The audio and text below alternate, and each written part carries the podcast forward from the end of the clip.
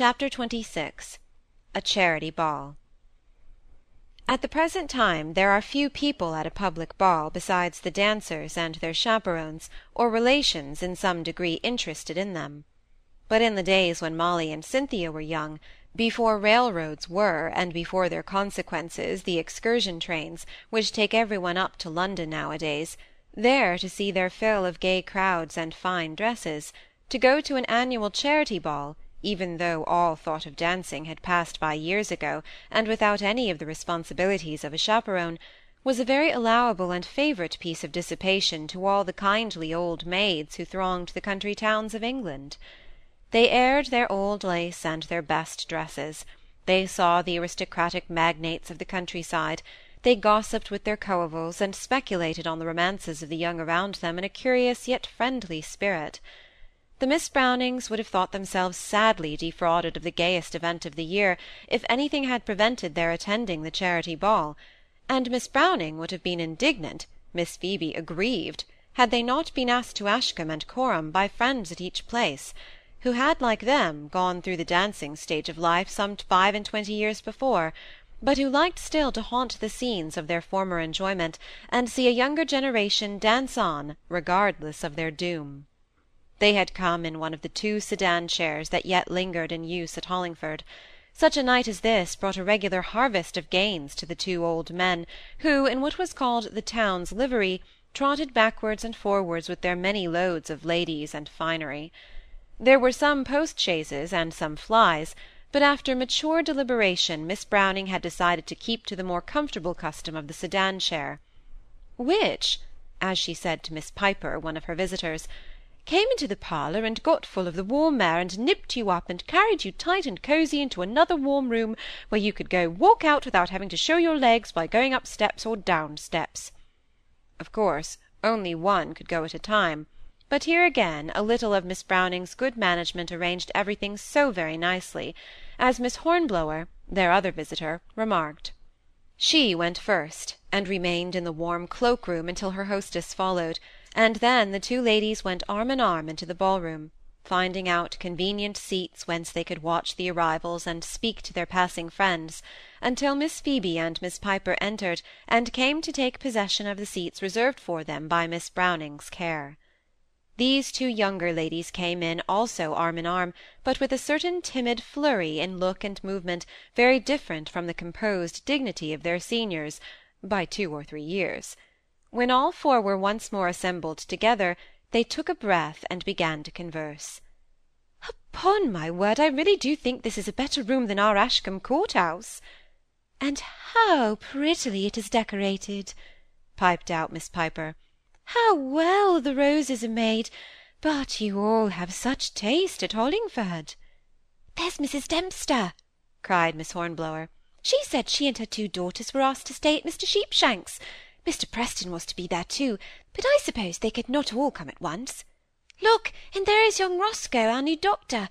I declare it seems as if all Ashcombe were here. Mr. Roscoe! Mr. Roscoe!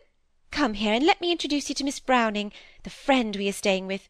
We think very highly of our young doctor, I can assure you, Miss Browning." Mr. Roscoe bowed and simpered at hearing his own praises; but Miss Browning had no notion of having any doctor praised, who had come to settle on the very verge of Mr. Gibson's practice, so she said to Miss Hornblower.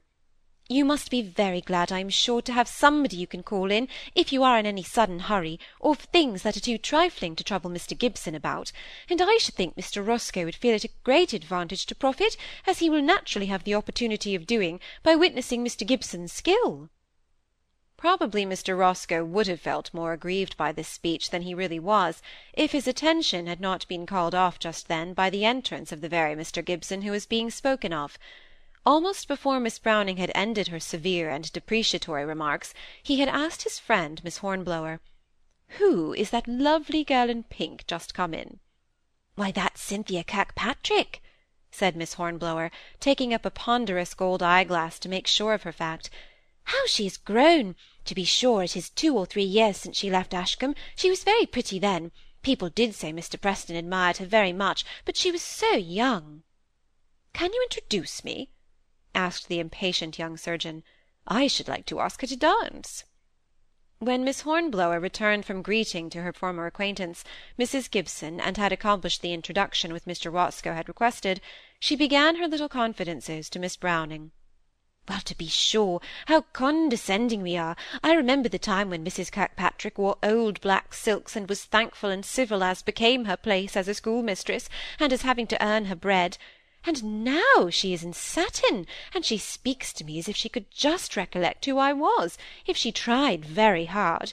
It isn't so long ago since Mrs. Dempster came to consult me as to whether Mrs. Kirkpatrick would be offended if she sent her a new breadth for her lilac silk gown, in place of one that had been spoilt by Mrs. Dempster's servant spilling the coffee over it the night before, and she took it and was thankful, for all she's dressed in pearl grey satin now, and she would have been glad enough to marry Mr. Preston in those days. I thought you said he admired her daughter, put in Miss Browning to her irritated friend. Well, perhaps I did, and perhaps it was so. I'm sure I can't tell. He was a great deal at the house. Miss Dixon keeps a school in the same house now, and I'm sure she does it a great deal better. The Earl and the Countess are very fond of Mrs. Gibson, said Miss Browning. I know, for Lady Harriet told us when she came to drink tea with us last autumn, and they desired Mr. Preston to be very attentive to her when she lived at Ashcombe. For goodness' sake, don't go and repeat what I've been saying about Mr. Preston and Mrs. Kirkpatrick to her ladyship. One may be mistaken, and you know I only said people talked about it. Miss Hornblower was evidently alarmed lest her gossip should be repeated to Lady Harriet, who appeared to be on such an intimate footing with her Hollingford friends nor did Miss Browning dissipate the illusion.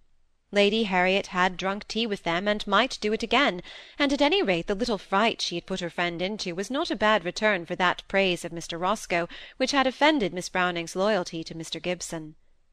Meanwhile Miss Piper and Miss Phoebe, who had not the character of esprit fort to maintain, talked of the dresses of the people present, beginning by complimenting each other. What a lovely turban you have got on, Miss Piper, if I may be allowed to say so, so becoming to your complexion. Do you think so? said Miss Piper, with ill-concealed gratification. It was something to have a complexion at forty-five. I got it at Brown's at Somerton for this very ball. I thought I must have something to set off my gown, which isn't quite so new as it once was, and I have no handsome jewellery like you looking with admiring eyes at a large miniature set round with pearls, which served as a shield to Miss Phoebe's breast. It is handsome, that lady replied. It is a likeness of my dear mother. Dorothy has got my father on. The miniatures were both taken at the same time, and just about then my uncle died and left us each a legacy of fifty pounds, which we agreed to spend on the setting of our miniatures. But because they are so valuable, Dorothy always keeps them locked up with the best silver, and hides the box somewhere. She never will tell me where, because she says I've such weak nerves, and that if a burglar with a loaded pistol at my head were to ask me where we kept our plate and jewels, I should be sure to tell him. And she says, for her part, she would never think of revealing under any circumstances. I'm sure I hope she won't be tried. But that's the reason I don't wear it often. It's only the second time I've had it on, and I can't even get at it and look at it, which I should like to do. I shouldn't have had it on to-night but that Dorothy gave it out to me, saying it was but a proper compliment to pay to the Duchess of Menteith, who is to be here in all her diamonds. Dear! Ah me! Is she really? Do you know, I never saw a duchess before. And Miss Piper drew herself up and craned her neck, as if resolved to behave herself properly, as she had been taught to do at boarding-school thirty years before, in the presence of her grace. By and by she said to Miss Phoebe, with a sudden jerk out of position. Look, look, that's our Mr. Cholmley, the magistrate. He was the great man of Corham.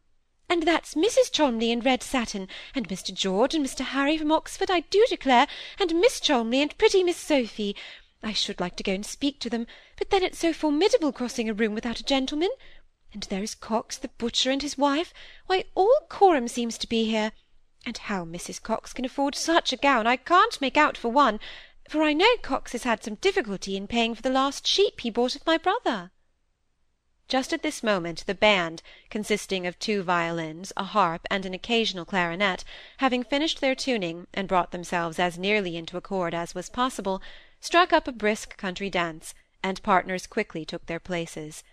Mrs. Gibson was secretly a little annoyed at Cynthia's being one of those to stand up in this early dance, the performers in which were principally the punctual plebeians of Hollingford, who, when a ball was fixed to begin at eight, had no notion of being later, and so losing part of the amusement for which they had paid their money.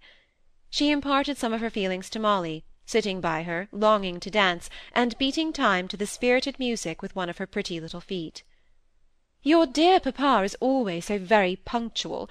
To-night it seems almost a pity, for we really are here before there is any one come that we know. Oh, I see so many people here that I know. There are Mr. and Mrs. Smeaton, and that nice good-tempered daughter. Oh, booksellers and butchers, if you will. Papa has found a great many friends to talk to. Patience, my dear, hardly friends. There are some nice-looking people here, catching her eye on the Cholmleys, but I dare say they have driven over from the neighbourhood of Ashcombe or Corham, and have hardly calculated how soon they would get here. I wonder when the Towers party will come. Ah, there's Mr. Ashton and Mr. Preston. Come, the room is beginning to fill. So it was, for this was to be a very good ball, people said, and a large party from the Towers was coming, and a duchess in diamonds among the number. Every great house in the district was expected to be full of guests on these occasions, but at this early hour the townspeople had the floor almost entirely to themselves. The county magnates came dropping in later, and chiefest among them all was the Lord Lieutenant from the Towers. But to-night they were unusually late, and the aristocratic ozone being absent from the atmosphere, there was a flatness about the dancing of all those who considered themselves above the plebeian ranks of the tradespeople. They, however, enjoyed themselves thoroughly, and sprang and bounded till their eyes sparkled and their cheeks glowed with exercise and excitement. Some of the more prudent parents, mindful of the next day's duties, began to consider at what hour they ought to go home, but with all there was an expressed or unexpressed curiosity to see the Duchess and her diamonds, for the Menteith diamonds were famous in higher circles than that now assembled, and their fame had trickled down to it through the medium of ladies' maids and housekeepers. Mr. Gibson had had to leave the ball-room for a time, as he had anticipated, but he was to return to his wife as soon as his duties were accomplished, and in his absence Mrs. Gibson kept herself a little aloof from the Miss Brownings and those of her acquaintance who would willingly have entered into conversation with her, with the view of attaching herself to the skirts of the Towers party when they should make their appearance. If Cynthia would not be so very ready in engaging herself to every possible partner who asked her to dance, there were sure to be young men staying at the Towers who would be on the look-out for pretty girls, and who could tell to what a dance might lead? Molly, too, though not so good a dancer as Cynthia, and from her timidity less graceful and easy, was becoming engaged pretty deeply, and it must be confessed she was longing to dance every dance, no matter with whom. Even she might not be available for the more aristocratic partners Mrs. Gibson anticipated. She was feeling very much annoyed with the whole proceedings of the evening, when she was aware of some one standing by her, and turning a little to one side, she saw Mr. Preston keeping guard, as it were, over the seats which Molly and Cynthia had just quitted. He was looking so black that if their eyes had not met, Mrs. Gibson would have preferred not speaking to him. As it was, she thought it unavoidable. "The rooms are not well lighted to-night, are they, Mr. Preston?" "No," said he. "But who could light such dingy old paint as this, loaded with evergreens, too, which always darken a room?" "And the company, too. I always think that freshness and brilliancy of dress go as far as anything to brighten up a room. Look what a set of people are here! The greater part of the women are dressed in dark silks, really only fit for a morning. The place will be quite different by and by, when the county families are in a little more force." Mr. Preston made no reply. He had put his glass in his eye, apparently for the purpose of watching the dancers. If its exact direction could have been ascertained, it would have been found that he was looking intently and angrily at a flying figure in pink muslin, Many a one was gazing at Cynthia with intentness besides himself, but no one in anger. Mrs. Gibson was not so fine an observer as to read all this, but here was a gentlemanly and handsome young man to whom she could prattle, instead of either joining herself on to objectionable people, or sitting all forlorn until the Towers party came. So she went on with her small remarks. "You are not dancing, Mr. Preston?" "No. The partner I had engaged has made some mistake. I am waiting to have an explanation with her."